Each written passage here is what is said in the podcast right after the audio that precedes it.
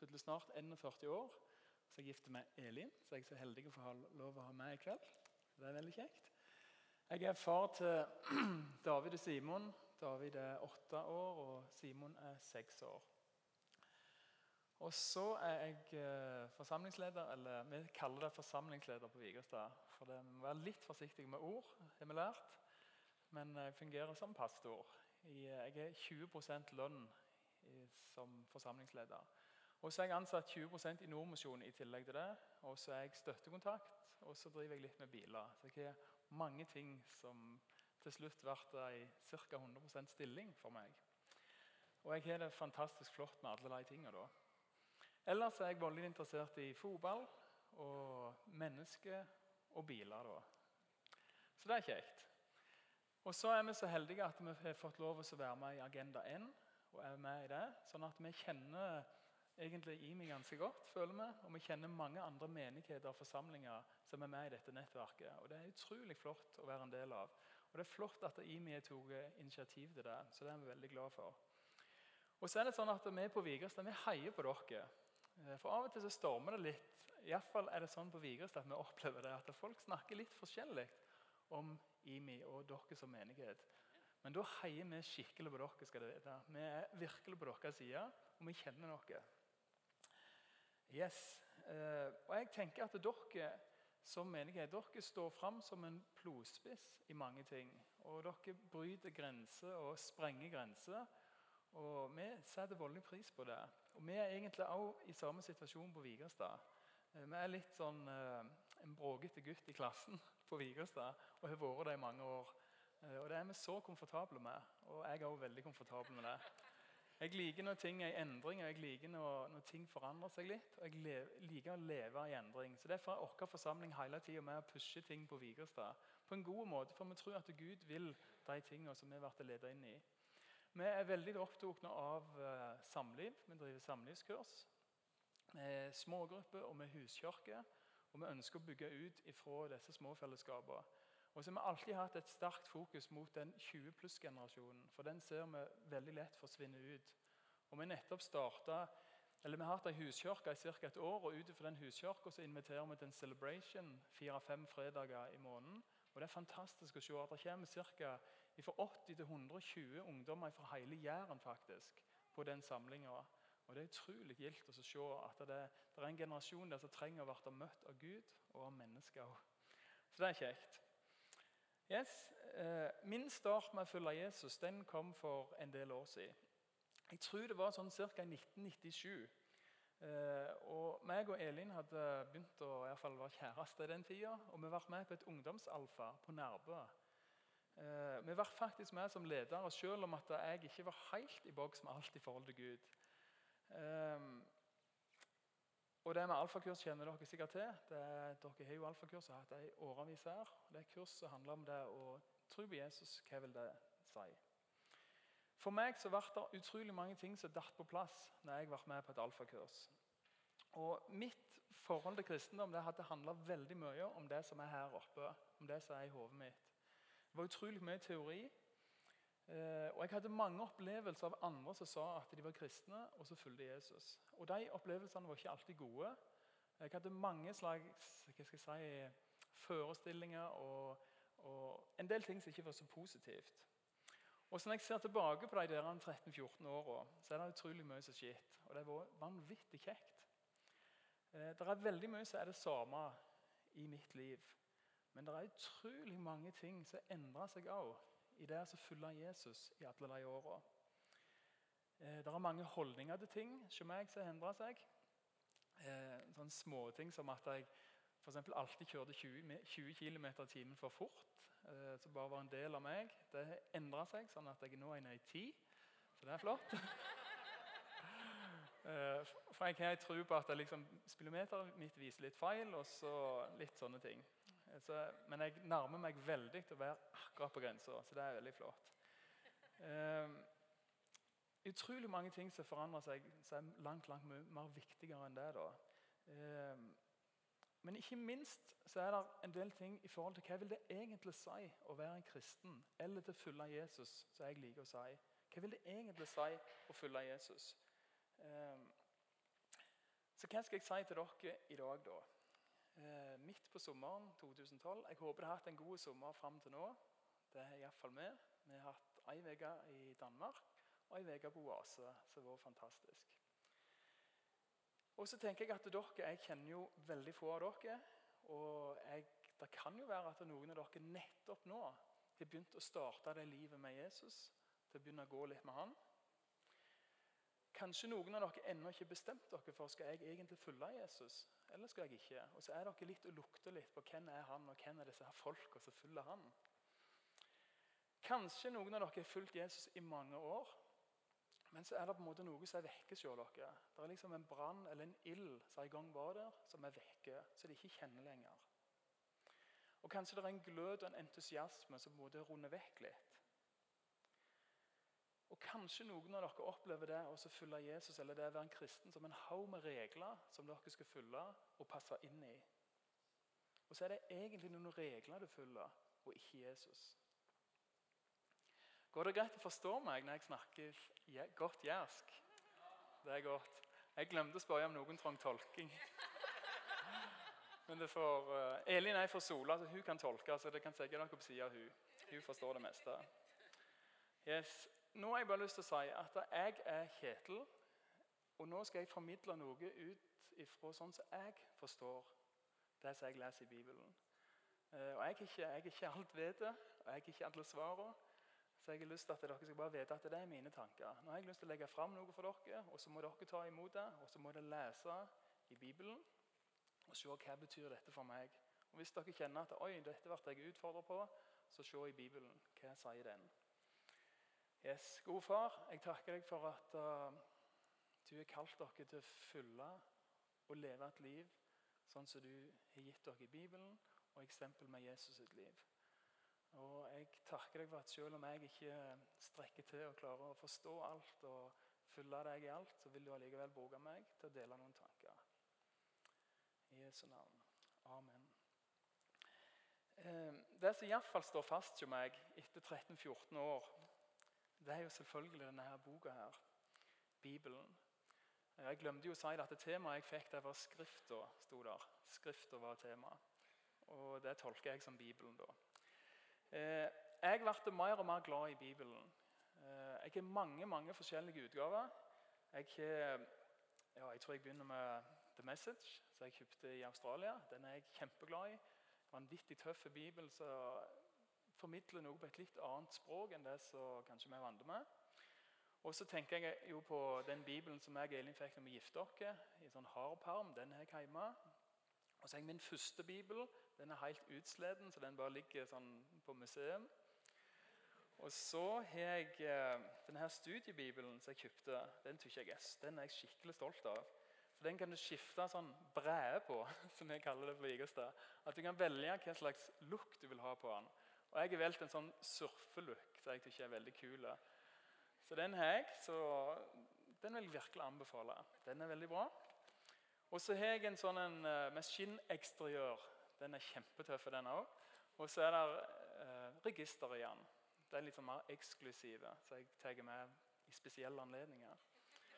Yes, Og så har jeg Bibelen på Det er en, eh, en amerikansk lydvariant der. Fullt av forskjellige skuespillere fra USA leser Bibelen fra start til slutt.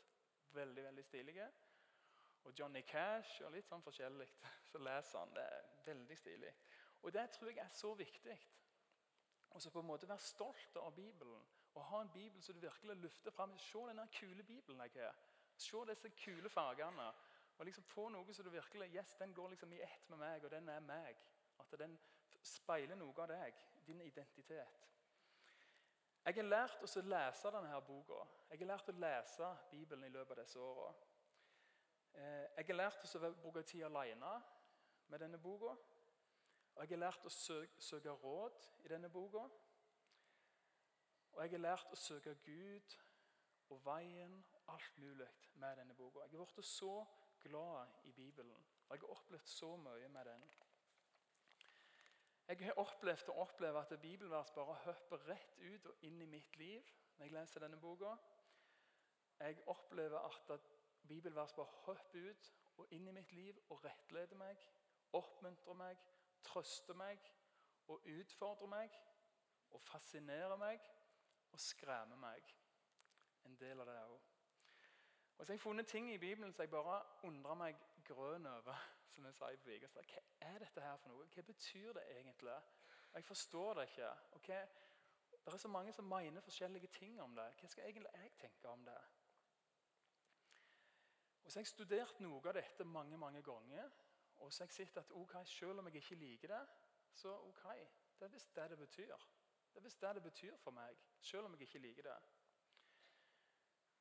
Um, og så er det kanskje ført at jeg har måttet gjort noen justeringer i livet mitt, og at jeg er nødt til å endre litt kurs for å likevel kjenne at yes, jeg føler Jesus. Og jeg våger å holde fram Bibelen som sann og det som jeg stoler på. Jeg håper at Bibelen er viktig for dere òg. Jeg håper at dere også bare bruker god tid med den og setter av liksom Yes, jeg skal være alene med bare meg og Bibelen. Jeg skal bare søke råd i den og bare liksom la den lede meg. Eh, på Vigerstad har vi en god, eh, god venn igjen som heter Jan Torland fra UiO. Og En gang han var sjokk og hadde samling med noen ungdomsledere, så sa han det at du må sile alt gjennom Bibelen. Sånn. Så tok han opp på hodet sånn.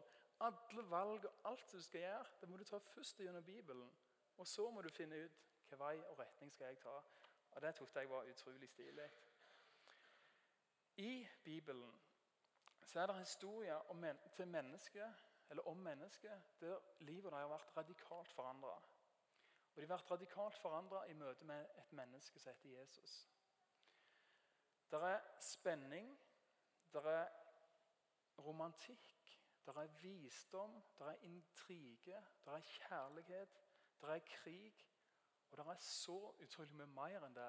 Alt finner vi i denne boka. her. Så Hvis vi søker noe av dette, så er det bare å åpne denne opp og lese i den. Jeg tror at min begeistring og på en måte min virkelig sånn at yes, jeg må bare ha Bibelen og jeg må bruke tid på den, den starta når jeg og Elin var ute på en sånn jord- og rundt-tur i 1999 og 2000. Meg og Elin vi leser ett kapittel hver dag i lag. Og så bare først begynte vi å be Gud, hva vil du vise oss gjennom dette? Hva skal det bety for oss? Og så brukte vi tid og snakka om det etterpå. Fantastiske start. I seks måneder og ti dager hver dag, etter som jeg husker, så fikk vi det til. Og det var utrolig bra. Eh, vi kommer gjennom Nye testamentet på den måten. Stemmer ikke det, Linn? Ja. Eh, for meg så var det starten på noe nytt. Det er veldig spennende å se tilbake i den tida. Det er jo tolv år siden nå. Alt det som har skjedd i løpet av de årene. Alt det jeg har fått være med på på Vigrestad, med å starte forsamlinger og leve i den. Utrolig spennende.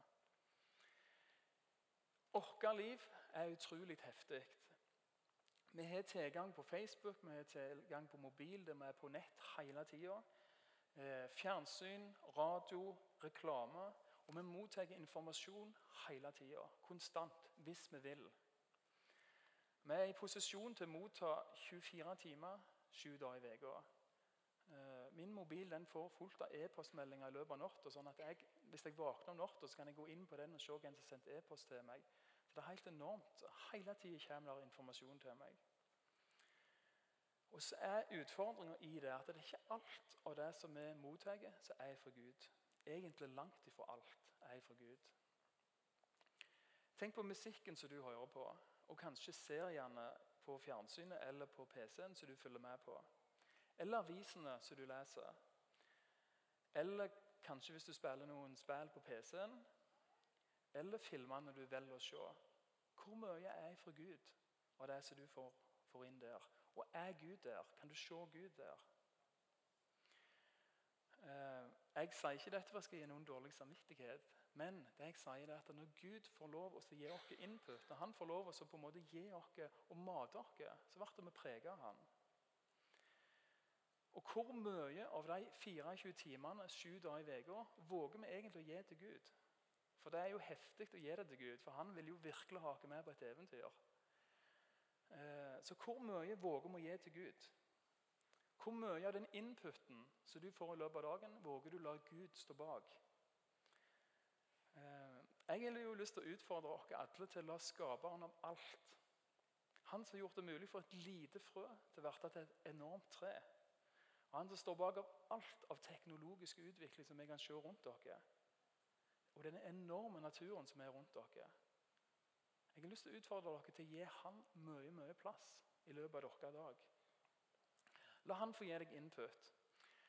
I vår forsamling så har vi fra dag én hatt fokus på dette med inn, og opp, ut. Eller nærhet til Jesus, nærhet til hverandre og nærhet til omverdenen. Liksom Vigrestad og alle de som er rundt dere. Nå I det siste så har jeg begynt å bruke liksom Meet Jesus, Meet Friends, Image Jesus. Det syns jeg høres mye kulere ut. Pluss at jeg liker den der møt Jesus, møt venner og lag et bilde av Jesus. Og Det er det jeg opplever at det er det vi er kalt til. Og Derfor har vi hele tida fokus på det på Vigrestad. Møt Jesus, møt venner, og lag et bilde av Jesus ut der som du bor.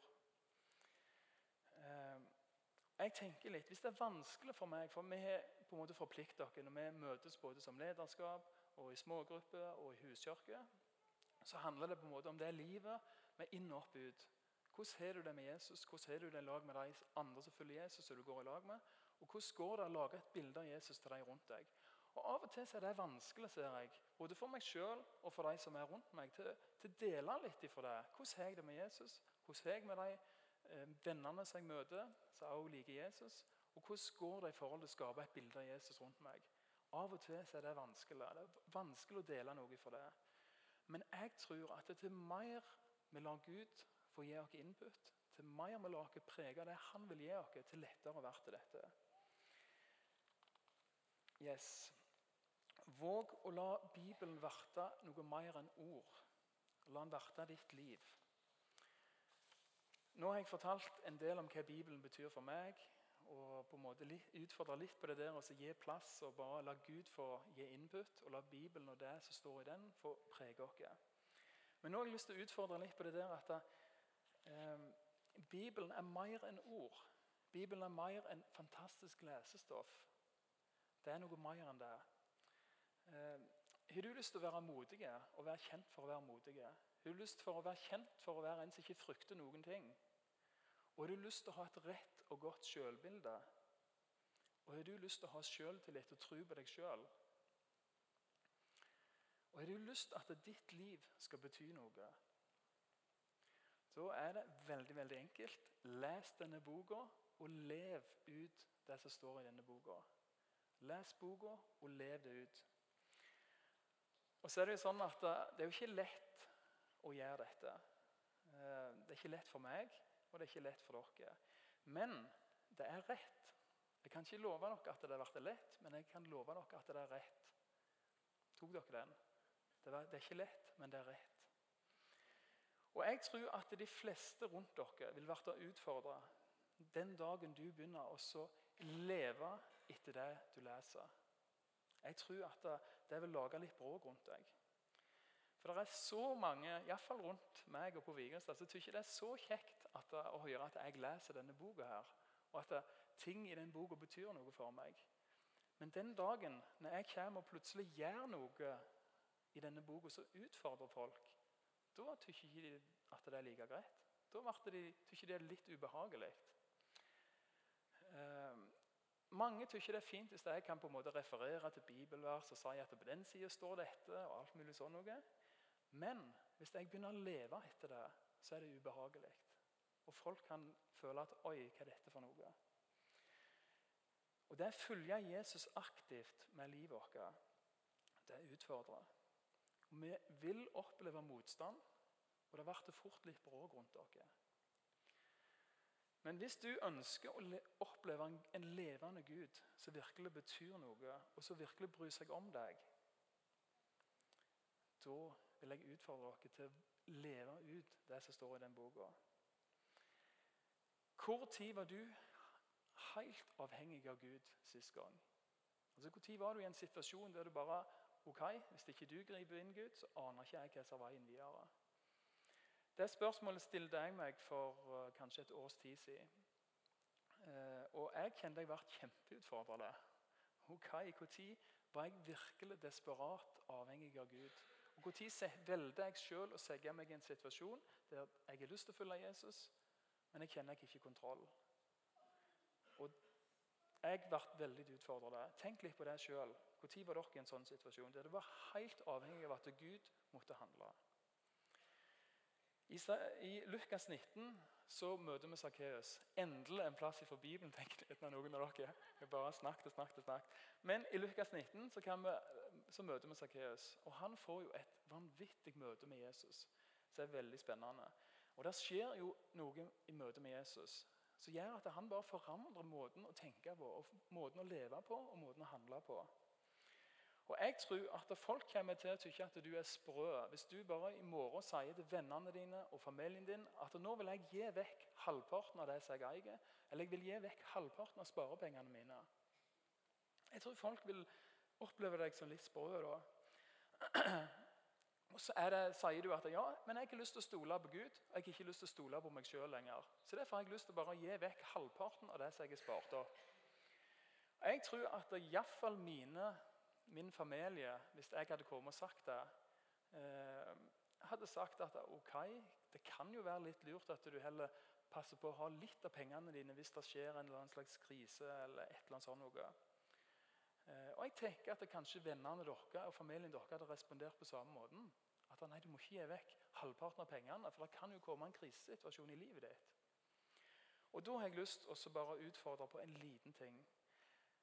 Tykker dere at det er en krisesituasjon at 50% av verdens befolkning har mindre enn 12 kroner å leve av til dagen? Tenk litt på det. Er det en krisesituasjon? Eller er det en krisesituasjon at det i Sør-Afrika hver eneste dag dør 1000 mennesker av aids? Er det en krisesituasjon? Eller er det en krisesituasjon at det der hver dag dør tusenvis av unger fordi det ikke er rent vann? Er det en krisesituasjon?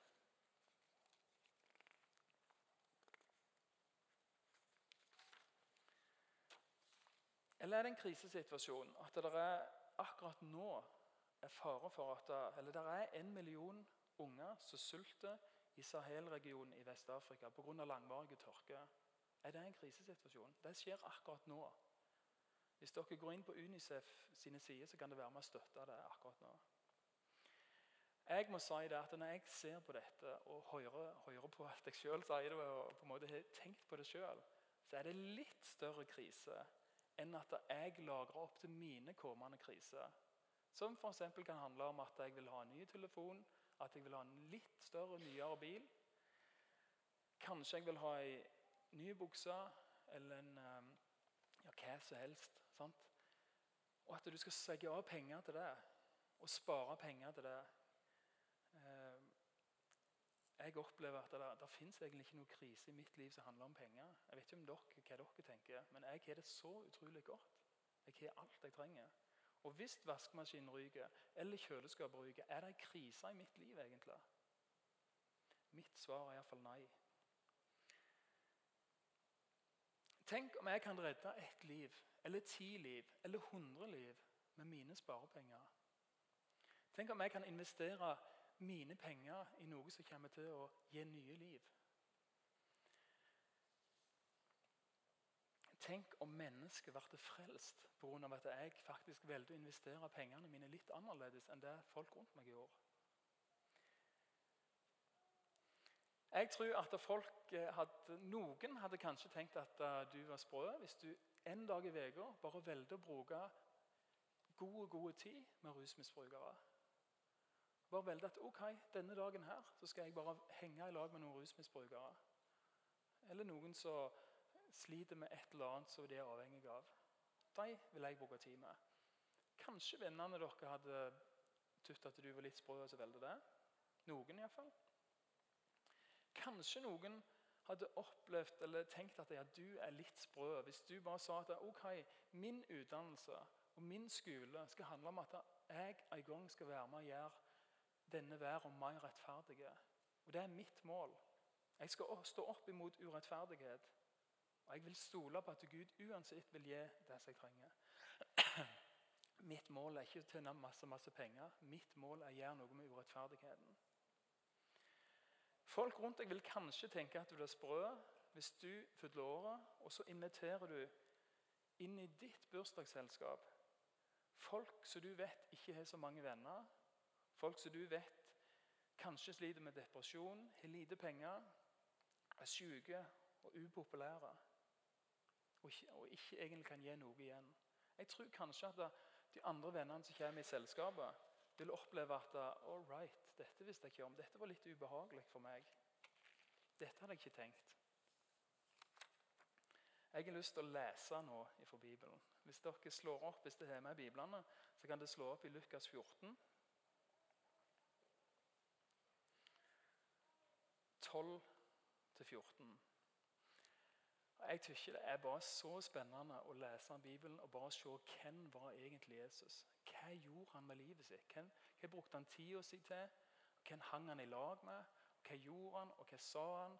Og hva sa han til de som på en måte var de populære, og hva sa han til de som var nedtrykt i samfunnet? Jeg syns det er så festlig, og det utfordrer meg enormt. Ok, Her så er det snakk om et selskap eller en flott middag. Lukas 14, 12-14. Han sa også til han som hadde innbudt ham, når du innbyr til middag eller et kveldsmåltid, så be ikke vennene dine, brødrene dine, slektningene dine eller de rike naboene dine, for de skal ikke innby deg igjen, og du får, inn, og du får gjengjeld. Men når du holder et gjestebud, da innby de fattige, vannføre, lamme og blinde. Og du skal være salig, for de kan ikke gi deg noe til gjengjeld. Men du skal få gjengjeld i de rettferdiges oppstandelse. De fleste mennesker i hvert fall, som jeg kjenner, og de fleste på Vigersted, syns det er helt greit å snakke om disse tingene. Det er helt greit å lese en sånn tekst til det. Og Det er veldig veldig greit å, å samles en kveld og på en måte ok, hva betyr dette og alt det der. og Bruke god tid på det og referere litt til Bibelen. Der står det. Og, og så husker vi et vers og hjelper hverandre til, det. Men de fleste tror ikke det er mye mer enklere og mer komfortabelt enn faktisk å følge Jesus og gå ut og gjøre dette. Jeg vet ikke om hva dere tenker om det, men det er for min erfaring. Og for meg òg er det jo veldig enkelt å snakke om det og lese om det og si at dette høres jo flott ut. Men det å gå ifra det til virkelig gjøre det og følge Jesus i det Jesus han utfordrer mennesket til å følge ham. Og så er det jo sånn at uh, Han er jo utrolig tydelig Jesus på mange ting, og det er jo så herlig, egentlig. Og så er det jo utrolig ubehagelig å lese noe av det òg. Og I Mattes 7 og Lukas 13 så snakker han litt om at det, det er to veier. Det er en smal vei, og det er en bred vei. Og det er en vid port, og det er en smal port. Og Så snakker han om at å gi opp sine planer, men å være med på hans planer. Eh, og Nå har jeg lyst til å vise dere et lite filmklipp fra en tale til en heter Francis Chan. Er det noen som har hørt om han? Opp med ei hånd. Så herlig. Han er jo den gode mannen. Han har skrevet en bok som heter 'Crazy Love', blant annet, som er utrolig bra. Eh, så jeg tror vi bare kjører på det filmklippet, så skal du få et møte med han.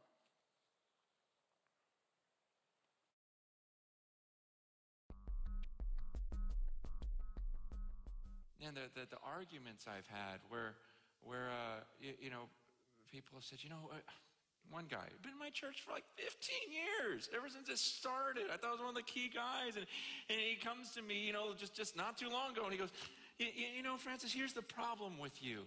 He goes, you think everyone needs to be this radical. You, you think that Jesus calls us all to be radicals.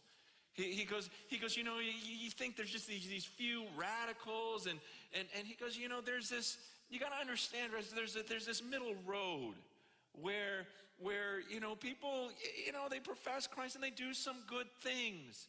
And it's like you're, you're, you're, you're neglecting that whole middle road. Did you guys know that?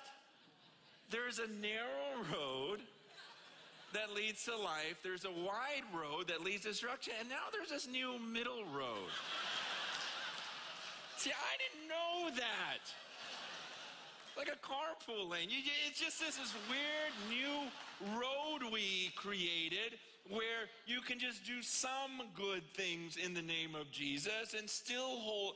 It- it's, it's, you know, it, you know, you just go, you're serious right now. You're dead serious. You found a middle road. I, I, you guys, I, I'm not a real, you got to understand, those who know me know that I'm not a real complicated guy. I, I, I, tend to think like a kid. I tend to just go, wow, that seems like what it says.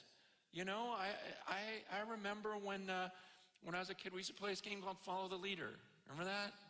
I mean, some of you guys don't because you just played video games. And you, you- but we used to play this game called Follow the Leader, where the leader, you know, flaps his wings and you do the same thing. And it, was easy. You, you just do what the leader did. And it's so weird how in the church we've twisted this. And follow Jesus is a different game. You don't really have to flap your wings. You don't accent. You can just sit there and do it in your heart. Seriously. You know, when I read the scriptures, says, man, whoever claims to, to, to know him must, must walk as Jesus walked. But we go, well, no, I'm doing that in my heart. You're like the kid sitting on the recliner going, no, I'm flapping my wings in my heart. It doesn't make sense. It's, it's, it's, it, we, we distort things because of what we want. You know, remember, remember Simon says? That was easy, right? Simon says, pat your head. But Jesus says it's a totally different game. If Jesus says something, you, you, you just have to memorize it. That's what we do in the church. If Jesus said, you just got to study it.